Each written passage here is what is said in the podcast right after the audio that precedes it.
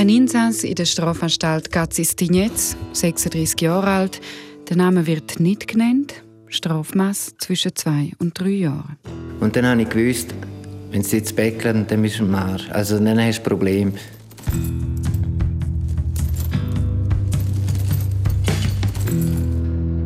Podcast.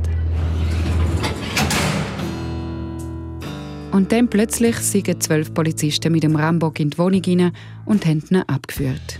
Der Gianfranco, was nicht sein richtiger Name ist. Er sitzt jetzt schon seit rund zehn Monaten im Gefängnis und hat sicher noch mal so viel vor sich. Ich durfte ihm etwa eine Stunde lang im Besucherraum der neuen Strafanstalt in Katzistinetz meine ungefähr 1000 Fragen stellen und er hat mir einen Haufen wahnsinnig interessante und offene Antworten gegeben. Darum ist diese Folge vom Podcast ein bisschen längere.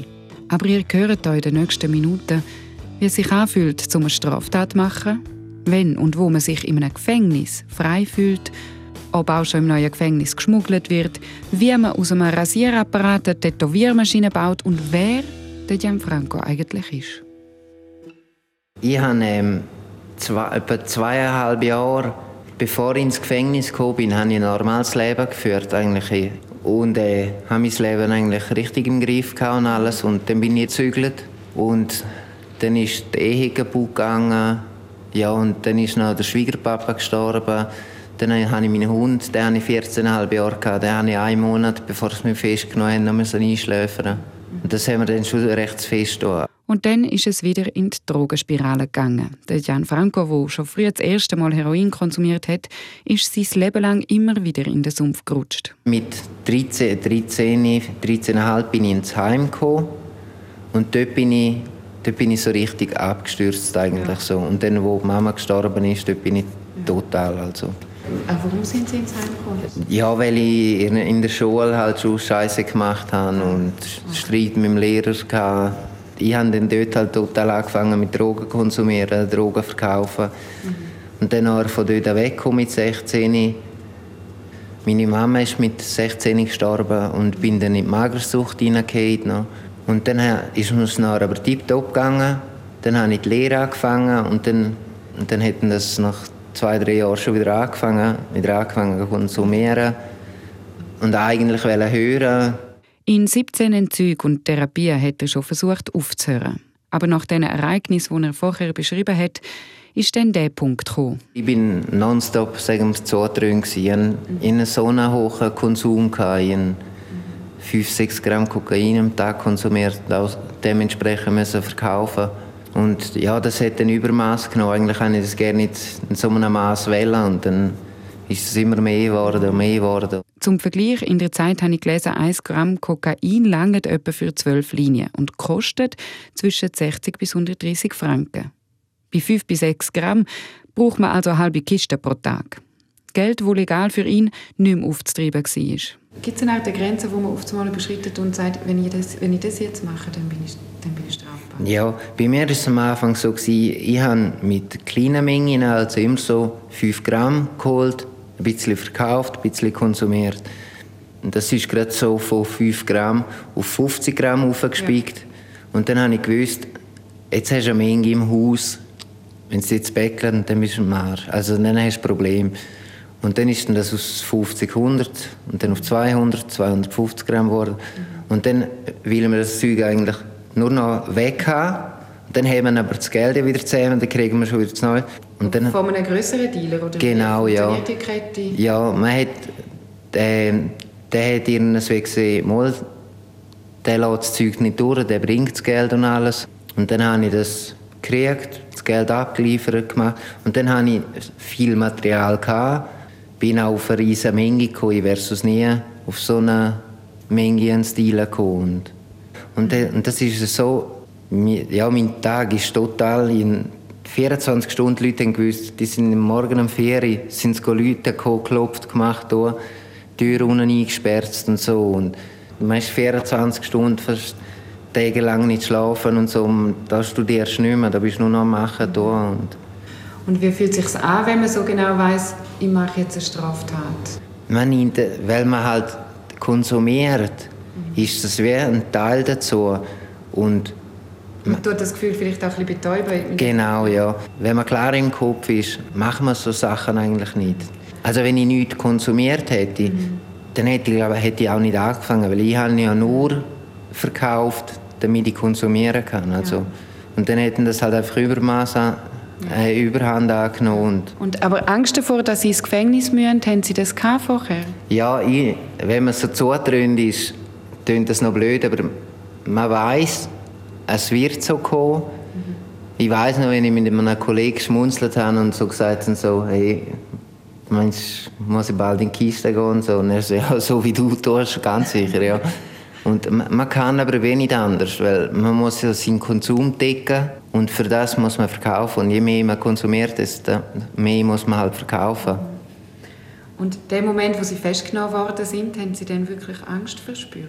Nein, sehr, ehrlich gesagt, am Anfang war es wie eine Erleichterung, weil ich aus so einen hohen Stress hatte. Mein Telefon, oder besser gesagt meine drei Telefone, die ununterbrochen geläutet ich hatte die ganze Zeit Leute daheim. Ich, war ein nervliches Frag. Und dann, mein Hund ist noch, hat einen riesen Tumor gehabt. Den musste ich drei, vier Mal am Tag waschen, neu verbinden und alles. Und dann eben, zum guten Glück, ist ein Monat vor der Festnahme konnte ich meinen Hund einschläfern. Also, das wäre das Schlimmste für mich, wenn sie mich eingesperrt hätten und der Hund die letzte Zeit noch in einem Heim gewesen wäre oder so. Und und Verhaftung ist, wie haben Sie verwünscht, die Polizei?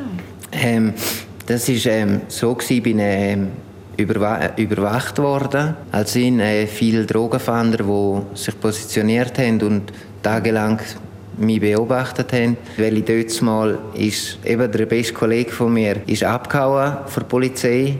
Der wäre in Untersuchungshaft gewesen und dann hat er irgendwie können haben sie ihn ins Spital gebracht wegen Methadon. Dann hat er irgendwie können mit einem Kleiderbügel. Auf einmal steht er mit der Socke vor meiner Haustür und so. Ja, es war so lustig. Und dann habe ich ihn bei mir versteckt. Und dann habe ich gesagt, los, jetzt musst du gehen, weil sie wissen, sie kommen hier an. Und dann haben mir der Kollege angerufen und hat gesagt, hey, los, mach dich bereit. Und die haben dann alles vorbereitet gemacht und so, so einen Behälter mit Wasser, das Kokain. Und wenn es gekommen wäre, hätte ich alles ins Wasser reingeleert, aufgelöst. Und das kann man auch wieder raus extrahieren. Ah, was? Ja, ja. Und ich habe dann gedacht, ja, noch konsumiert und alles. Und der Kollege sagt, hey, du bist auf der Flucht, ich würde gehen, sie kommen. Mhm. Und ich wollte gerne nicht gehen, weil ich dachte, ja, die finden mich eh am nächsten Tag. Und dann habe ich so zugedrückt und bin eingeschlafen und auf einmal hat es eine Tasche gegeben im Ramburg, ein riesiges Loch in der Tür, zwölf Beamte in die, ins Zimmer reingestürmt mich vom Bett gerissen, auf den Stuhl getan, das Telefon ans Ohr gekippt und mein Anwalt gesagt, so, das Mal kommen Sie nicht mehr, kommen Sie nicht mehr davon, jetzt kommen Sie in Untersuchungshaft. Und so ist dann ins Gefängnis gegangen für Gianfranco. Zuerst noch ins 200 Jahre alte Gefängnis Senhof in Chur. Aber bevor wir über den Wechsel von der Freiheit in Gefangenschaft reden, hat es mich noch Wunder genommen, was der Gianfranco über sein Strafmaß denkt und ob er das als gerecht empfindet. Also wenn ich ehrlich bin, ich bin froh, dass ich nur zwei Jahre kriege. Mhm. Ja. Hätten Sie mehr erwartet? Also am Anfang habe ich gedacht, ich, ich käme noch mit einem blauen Auge davon, aber wo, wo ich dann so, wenn man alles so liest, was ich gemacht habe und so und um die Mengen, die es geht, sind dann mehr Gremlins, sondern Kilos und so und dann ist man dann schon, denkt man so, okay, zum Glück kriege ich nur zwei Jahre, weil man hört andere Geschichten. Die einen haben auch weniger. Aber ähm, am Anfang hat es geheißen 36 Monate und jetzt heißt es unter zwei Jahre. Also wenn das jetzt wirklich so gut rauskommt, bin ich mehr als zufrieden. Was hätten Sie sich für eine Strafe gegeben? das ist eine gute Frage. Ja, ich weiß auch nicht. Also so 15 Monate, 18 Monate. Empfinden Sie das Deal, das Sie gemacht haben, dann als falsch? Also denken Sie auch, dass es falsch war, dass vielleicht jemand wegen dem zu Schaden gekommen ist? Ja, das sind immer so Sachen, die eigentlich schwer ist zum Anschauen, weil ich habe, ich die Leute nicht abgezockt oder so. Ich habe wirklich Leute, die kein Geld hatten, denen habe ich es geschenkt. Irgendwie. Und klar, man kann dann auch sagen, ja, wenn du dem nichts gegeben hättest, hätte der vielleicht die Idee gehabt, um in den Zug zu gehen. Aber eben, das ist weit hergeholt, aber man kann, man kann immer so wieder so, so die Gegenfragen stellen und alles. Aber ähm, das, was ich gemacht habe, habe ich so, wie ich es gemacht habe, eigentlich ich habe probiert, das Beste daraus zu machen. Also, ich habe niemanden leiden lassen, wenn jemand auf, auf meinem Zug war, habe ich dem gegeben, ob er Geld hatte oder nicht. Stopp. Das tönt ein bisschen, als sähe er sich als Robin Hood für Drogenabhängige.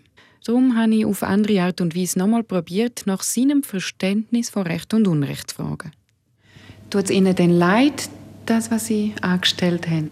Das ist eine schwere Frage. Also, es, es tut mir es tut mir weh, dass ich mir wieder zwei, drei Jahre von meinem Leben geraubt habe. Aber das, was ich eigentlich gemacht habe draussen, so, ich habe ja niemand, niemandem mir eine so gestrickte Ware gegeben. Hat es dann aber auch mal die Situation gegeben, dass einer vielleicht eine Überdosis hatte? Nein, ich habe immer geschaut, ähm, weil, ich, weil das Zeug so rein war, dass Leute, die gespritzt haben, denen habe ich das gerne nicht verkauft. Weil, wenn ich sage, nur ein Zehntel von dem, was du rein tust, die nehmen das nicht ernst und so. Aber das ist nie vorgekommen, dass, sie, eben, dass jemand durch ihre Drogen eine, eine, eine Überdosis Nein, ja. Okay. Was aber ist, ist, ich habe, ähm, wir waren früher fünf Kollegen gewesen, mhm. und ähm, ich bin der Einzige, der lebt. Also wir sind alle vier an der Droge gestorben. Okay. Ja. Das ist heftig. Ja, ist noch heftig. Ja. So von Schulkollegen auf und einer nach dem anderen weg. Und so möchten Sie aber nicht sterben? Nein, ja. Nein, darum, für, also für mich Heroin und so ist eh kein Thema mehr und so. Mit dem Kokain habe ich eher so ein bisschen das Problem, aber irgendwie Heroin, zu dem habe ich keinen Bezug mehr. Irgendwie. Also, es interessiert mich nicht mehr. Und das Kokain ist eher so der Kick, wo das gibt. So, und der will ich dann eben durch Sport, Snowboarden, ja, bis Freestyle fahren und so, so wiederholen. Weil ich weiß, wenn ich wieder, wieder anfange, dann, wenn ich nochmal im Gefängnis lande, dann werde ich wieder ein drittes Mal, ein viertes Mal. Also ich habe jetzt die Chance quasi, Entweder oder.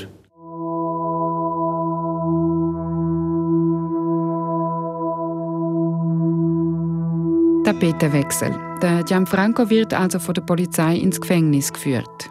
Und die ersten Tage im alten Sennhof sei er, wie er sagt, zum Glück zutrönt gsi und hat auch da wieder das Gefühl von eingesperrt werden mit Methadon betäubt. Dann aber nach und nach ist es ihm so gegangen. Als ich in Sennhof gekommen bin, habe ich gerade am Anfang habe ich alles abgecheckt, so, wie komme ich da weg, wie komme ich da weg, was soll ich machen. Alles Auskundschaften gemacht und so. Und dann äh, habe, ich, habe ich gemerkt, es bringt nichts. Eben, erstens wird es eh nicht klappen und wenn es klappt, bist du noch auf der Flucht und alles. Und dann gescheiter das durchziehen, rausgehen und neu starten. Und dann tut so Menge Neuinsassen am Anfang auch ein rebellieren, um mit dem neuen Alltag zurechtzukommen. Der Gianfranco hat es auf MacGyver-Art gemacht. Äh, in den ersten vier Monaten bin ich so viel Mal im Bunker und Zelleneinschluss wegen Scheiß Tätowieren und Drogen und alles. Ich habe eine Tätowiermaschine zusammengebaut mit Rasierer und alles, Was? mit dem Motor und habe mich, habe mich tätowiert. Und, ja. Wo haben Sie denn das hergekriegt, das Ist das dann reingeschmuggelt worden? Oder? Nein, das bastelt man aus, einem, aus dem Motor vom Rasierer. Mhm. Da klebt man einen leeren Kugelschreiber an und mehr über die Bauanleitung darf ich an dieser Stelle nicht verraten. Aber das Selfmade-Maschineli hat funktioniert, weil auf einmal hat er neue Tattoos gehabt. Ja, und dann sind sie schnell gekommen, da und da und da und auf einmal, ja, das sind aber neu gestochene und so. Und ich so, ja. Und dann die Zellenkontrolle gemacht, dann ist die erste Führung gekommen, habe ich nochmal eine gemacht, dann ist die wieder weg und dann habe ich gesagt, komm, fertig. Was war denn die Strafe? Äh, ich habe einen Bunker gekriegt, fünf okay. Tage. Aber irgendwie will man dort nicht immer reingehen und so. Und, ja. und Drogen, wie haben Sie die können organisieren im Gefängnis? Ja, das tut man untereinander oder Besuch oder sonst irgendwie. Und das irgendwie reinschmuggeln? Ja. Und auch im neuen Gefängnis in Kazistenitz werde auch schon wenige Wochen nach der Eröffnung geschmuggelt. Ja, sicher. Also es ist wahr da drin. Ja, man kann über das Bäckchen, über den Besuch man kann sich über die Mauern werfen lassen. Und da ist aber die Mauer ist jetzt viel schwieriger als im See. Ja, nein, da, da ist mit Überwerfen ist das nicht mehr so einfach, nein. Jetzt in Kazistignetz vertreibe sich der Gianfranco allerdings die Freizeit, die er hat, nicht mit Tätowieren, sondern mit Zeichnen oder Musik hören. Es gefällt ihm hier im neuen Gefängnis auch viel besser. Die neuen Zellen sind mit 12 Quadratmetern grösser als die im Sennhof. Sie sind mit grossen Fenstern und hellen Möbeln ausgestattet. Ein 90er-Bett, ein Stuhl, ein Regal, WC und Lavabo, alles aus Holz, ein wie in einer Yugi. Nur ist die Türe massiv, massiv das Glas über dem Lavabo nicht aus Glas, sondern aus Metall. Und im Schrank gibt es keine eigene Kleidung, sondern der Gefängnistrainer. Gefällt Ihnen die neue Strafanstalt besser? Ja, viel schöner. Also, man, hat, man kann aus dem Fenster schauen, sieht auf die Berge raus und alles. Und vorher hat man noch Wand vor, dem, Wand vor der Nase alles. Und es war alles so eingegangen. Und jetzt ist wirklich viel grösser alles. Und man fühlt sich nicht mehr so ein. Es ist so wie auf einem Schulplatz oder so. Und wenn ich aus dem Fenster schaue, fällt die Mauer gerne nicht auf. Ich sehe eher auf die Straße und Berge rauf und so. Und Was ist Ihnen denn durch den Kopf, wo Sie das erste Mal in die neue Zelle sind? Hammer, wirklich. Ich denke, wow, zum Glück endlich weg vom Seenhof, jetzt da alles neu. Und das Einzige, was noch nicht so gut ist, ist ähm, das Prison Media System. Da kann man Fernsehen schauen, Anträge schreiben, aufnehmen kann man und man kann so ein Office-Paket nehmen und ich habe eigentlich im Seenhof dann immer mit dem Discman Musik los und zeichnet.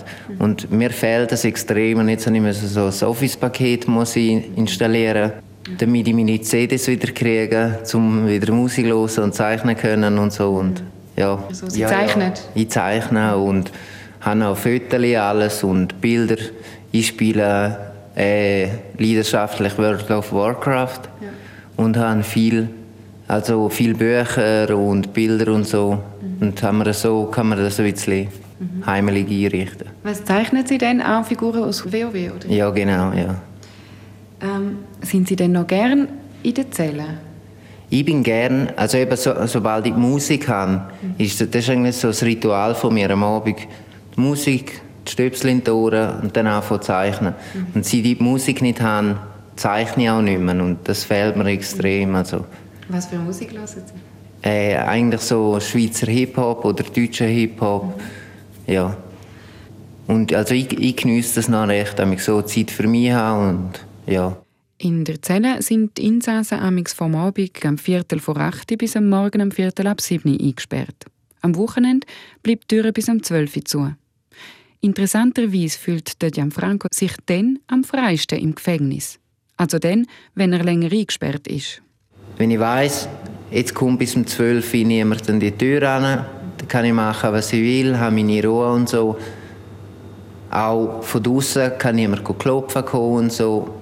Dann kann ich also, fühle mich, fühle mich freier. Ist noch blöd, aber andere haben es umgekehrt. Und wenn er nicht in den Zellen ist, ist er in der Schreinerei am Arbeiten, auf der Wohngruppe am Essen, eine Stunde pro Tag im Hof am Spazieren oder Spörteln oder man kann auch lesen, ein bisschen Fitness machen oder spielen.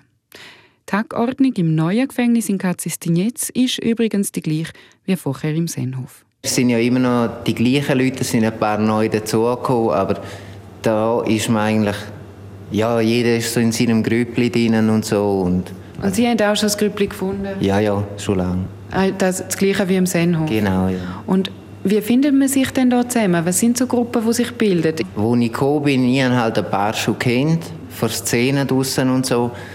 Und äh, habe noch zwei andere kennengelernt, mit denen bin ich jetzt viel, äh, die sind mit mir auf dem Stock, mit denen habe ich viel auch zu tun. Da sind wir einfach sympathisch und so. Und man ist einfach so, ja, man hat so sein Grüppli, vorher sind wir einfach die Schreinerei gewesen, und jetzt sind noch zwei, drei dazugekommen.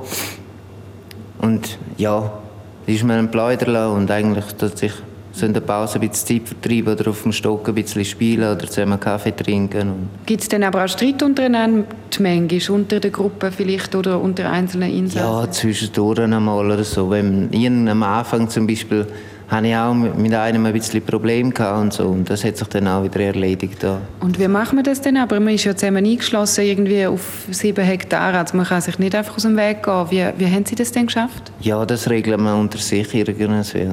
Mit, mit Reden oder vielleicht sogar ein bisschen mit Schlägeln? Oder wie tun wir das? Nein, ja, die einen mit Schlägeln, die einen mit Reden. So. Und Sie haben es mit Reden? Ich habe es mit Reden, ja. Gibt es eine Gruppe, die dem besonders angesehen ist? Oder wer ist so der Boss im, im Gefängnis? Gibt es so etwas? Nein, eigentlich nicht. Es gibt eins, zwei, drei, wo vielleicht mit der Stimme ein bisschen lauter sind oder so, aber da hat jetzt niemand irgendwie Angst vor einem oder so oder denkt so, boah, mit boah, Achtung, der und so und boah, von dem habe ich Angst und so. Es ist eher, also am Anfang tut jeder so sein Delikt eigentlich nicht erzählen. Und mit der Zeit merken wir dann und es ist schon so, ähm, zum Beispiel, wenn einer vor Gericht geht und am nächsten Tag die Zeitung nicht, dass wir die Zeitung nicht kriegen, dann kann man sich eigentlich so zusammenreimen, okay, da ist etwas, sehr wahrscheinlich etwas, was wir nicht wissen dürfen. Der hat sehr wahrscheinlich etwas gemacht, was vielleicht nicht gerade so gut ist. Und dann kann man sich das so ein bisschen zusammenreimen. Aber meistens schaut man die Person an und denkt so, mal, sympathischer Kerl und so. Und ich habe eigentlich auch kein Vorurteil. Und ja, ich nehme es auch, wie es kommt. Aber irgendwann erzähle man sich dann gleich auch, was man angestellt hat. Mal, wenn man sich dann ein bisschen kennt, von man auch schon erzählen und so. Eben, die, die einen sind, äh, haben irgendwie äh, Gewaltdelikt. Mhm. Die einen sind im, haben im Suff irgendwie äh, zugestochen. Ich habe jetzt wegen, bin wegen dem Dealen drin und so. Ja, ab und zu mal gibt es halt eine kleine Rauferei oder so, oder dann hat einer einen weiss, die Fresse gehauen und geht, geht er in den Bunker rein und so, aber eigentlich ist es, ist es recht friedlich. Also. Ist es manchmal auch lustig im Gefängnis? Ja. Wenn denn? Ja, eigentlich haben wir es viel. Am, am, Abend oder während der Arbeit sind wir am Blöden. Auch klar, wir wir arbeiten, aber mhm. wir müssen nicht mehr ein Witzchen machen und so. Oder letztes Mal haben wir äh, das achte UNO gespielt und dann sind Zuerst waren wir das dritte, dann sind noch Afrikaner dazugekommen und so. Und sind wir recht gemischte Gruppe gewesen. Und so nach einer halben Stunde fragt der eine auf einmal so, was ist UNO? Und ich so, ja, das ist das, was wir spielen und so. Ja, es war lustig gewesen, also, ja. Man hebt wie so ein bisschen halt zusammen, weil man da irgendwie genau, ja. sitzt. Man schaut ein bisschen aufeinander und so. Klar, in der Pause zum Beispiel sehen wir, die Schwarzen hocken zusammen, Serben oder so hocken zusammen. Und wir haben jetzt so das Schreinergrüppli plus noch eins, zwei, drei andere, die eigentlich immer zusammenhocken. Mhm. Und, aber auf der Gruppe dann ist man dann wieder in also oder auch während der Pause, wenn man sich so schnell über den Weg läuft, so schnell einen Handshake, so, mhm. ob schwarz oder weiß, meinen wir sind alles ja, Gefangene. Ja. Vor allem haben wir, haben wir ja lustige Zeiten miteinander und so. Und also. Das klingt so, als würden da Freundschaften entstehen. Ich meine, ich habe ja die besten Freunde der ganzen Welt. Sie haben das Herz aus Gold, ich lache mit ihnen Tränen, behaupten sogar, unsere Seelen seien verwandt und ihre Loyalität ist riesig. Die würden mich ganz sicher besuchen im Knast. Aber im Gefängnis verändern sich Freundschaften. Haben Sie noch viele Freunde von früher? Eine, zwei habe ich da. Mit denen bin ich auch draußen. Und die, äh, die anderen zwei, die sind in Realta. Mhm. Mit denen habe ich auch Briefkontakt und freue mich auch, um die wieder zu sehen. Muss dann halt aber schauen, wie es bei denen aussieht, wenn die rauskommen, ob die jetzt den gleichen weitermachen, weil das will ich nicht.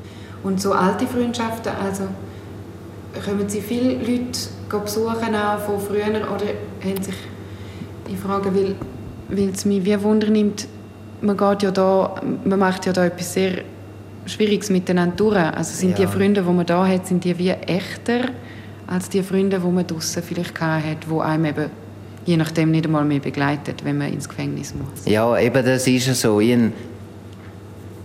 ich bin erstaunt dass, dass es sind etwa vier, fünf Leute von der Gas, die sich immer wieder gemolden haben bei mir, die mich auch besuchen haben wollen, nicht aber dürfen haben, weil es schon Delikt oder irgendetwas am Hals hatten und so. Sie haben ja auch recht auf eine Stunde Besuch, glaube pro Woche. Genau. Hätten ja. Sie gerne mehr? Nein, es ist ähm, die Ex-Frau, die mich besuchen äh, Es war mal ein Kollege da. Gewesen. Der ist jetzt leider auch ein Realter. Und ähm, äh, Vater und Schwester, die wir regelmäßig besuchen. Die kommen Gramuren auch wieder auf Besuch. Und wie wichtig sind Freundschaften innerhalb des Gefängnisses? Also jetzt eben mit neuen Leuten, die man vielleicht nicht noch von der Straße kennt oder von früher? Wichtig. Wie entstehen denn so Freundschaften? Geht das schnell oder ist man da eher skeptisch? Oder was sind so Momente, die einem dann so verbindet mit den anderen? Ja, am Anfang ist alles so, die Leute, wenn man neu reinkommt, so da man die Leute so ein bisschen abschätzen, was das für einen ist und so. Und viel hat es halt auch damit zu tun, wenn man zusammen schafft. Mhm. Dann lernt man sich schneller näher kennen. Und so entstehen dann auch Kollegschaften, vielleicht sogar Freundschaften und so. Oder man, man ist einfach ehrlich miteinander auch und redet miteinander und so, hilft sich ein bisschen gegenseitig und so. Eben ich jetzt auch mit denen zwei, wo ich viel auf der Zelle bin oder so, wo mir sagen, die haben eben gerne nichts mit Drogen zu tun. Und, und das ist für mich jetzt noch gut, so, weil die sagen, hör, hör auf mit dem Scheiß, man komm, haben andere Delikte, aber sagen, eben, helfen mir auch irgendwie, sagen, komm, jetzt bist du 36, man, hör auf mit dem Scheiß. Wie ist es denn, wenn Sie irgendwie einmal total down sind? Kommen die Freunde dann auch Sie trösten? Ist das, geht das gut? Ja, also vor allem eins, zwei wo, wo sehen, dass wir nicht gut gehen, sagen, hey, was ist los und so und dann ist reden wir. Mhm. Ist es auch erlaubt oder darf man sich dann auch vielleicht einmal in den Arm nehmen oder irgendwie so, wenn man traurig ist? Oder? Ja, das will man glaube ich gerne nicht. Machen wir das nicht unter Insassen? Okay. Und fällt Ihnen das aber auch nicht? Hätten Sie nicht gerne vielleicht einmal jemanden, der so Sie umarmt oder irgendwie so? Ja, wenn es Frauen da im Gefängnis gibt, dann schon, ja, aber so sind wir Unter Männern nicht? Nein, okay. Eine Frau kommt ja dem vielleicht auch mal wieder in sein Leben. Und wie der Gianfranco erzählt, ist er auch guter Hoffnung, dass es jetzt, nach seinem ersten Mal im Gefängnis, auch mit dem Entzug klappt. Und jetzt bin ich klar im Kopf und weiß, hey, wenn du rauskommst, du willst nicht mehr retour ins Gefängnis. Du, du bist 36, so wie Gianna Papa werden vielleicht und so. Und was ich unbedingt machen möchte, wäre mich wieder mehr so auf BMX fahren, Snowboarden oder Skaten. So in der Freizeit, dass ich mir so meinen Adrenalinkick holen kann. Ja, und einfach wieder eben hoffen, dass ich irgendwo einen Job finde. Etwas. Und also wenn ich einen Job als Schreiner finden würde, natürlich wäre das traumhaft. Einfach das Leben wieder geniessen. Ich drücke ihm fest Daumen, dass er das schafft, was er sich hier wünscht. Und ich danke ihm herzlich für seine Offenheit. Und ich danke euch, die zulassen. Sehr. Und natürlich auch meinen grossartigen Gästen, weil von ihnen habe ich einen ganzen Haufen lernen und ich verabschiede mich jetzt aus dem Podcast, weil vorerst ist das unsere letzte Episode. Darum macht's gut und bleibt super.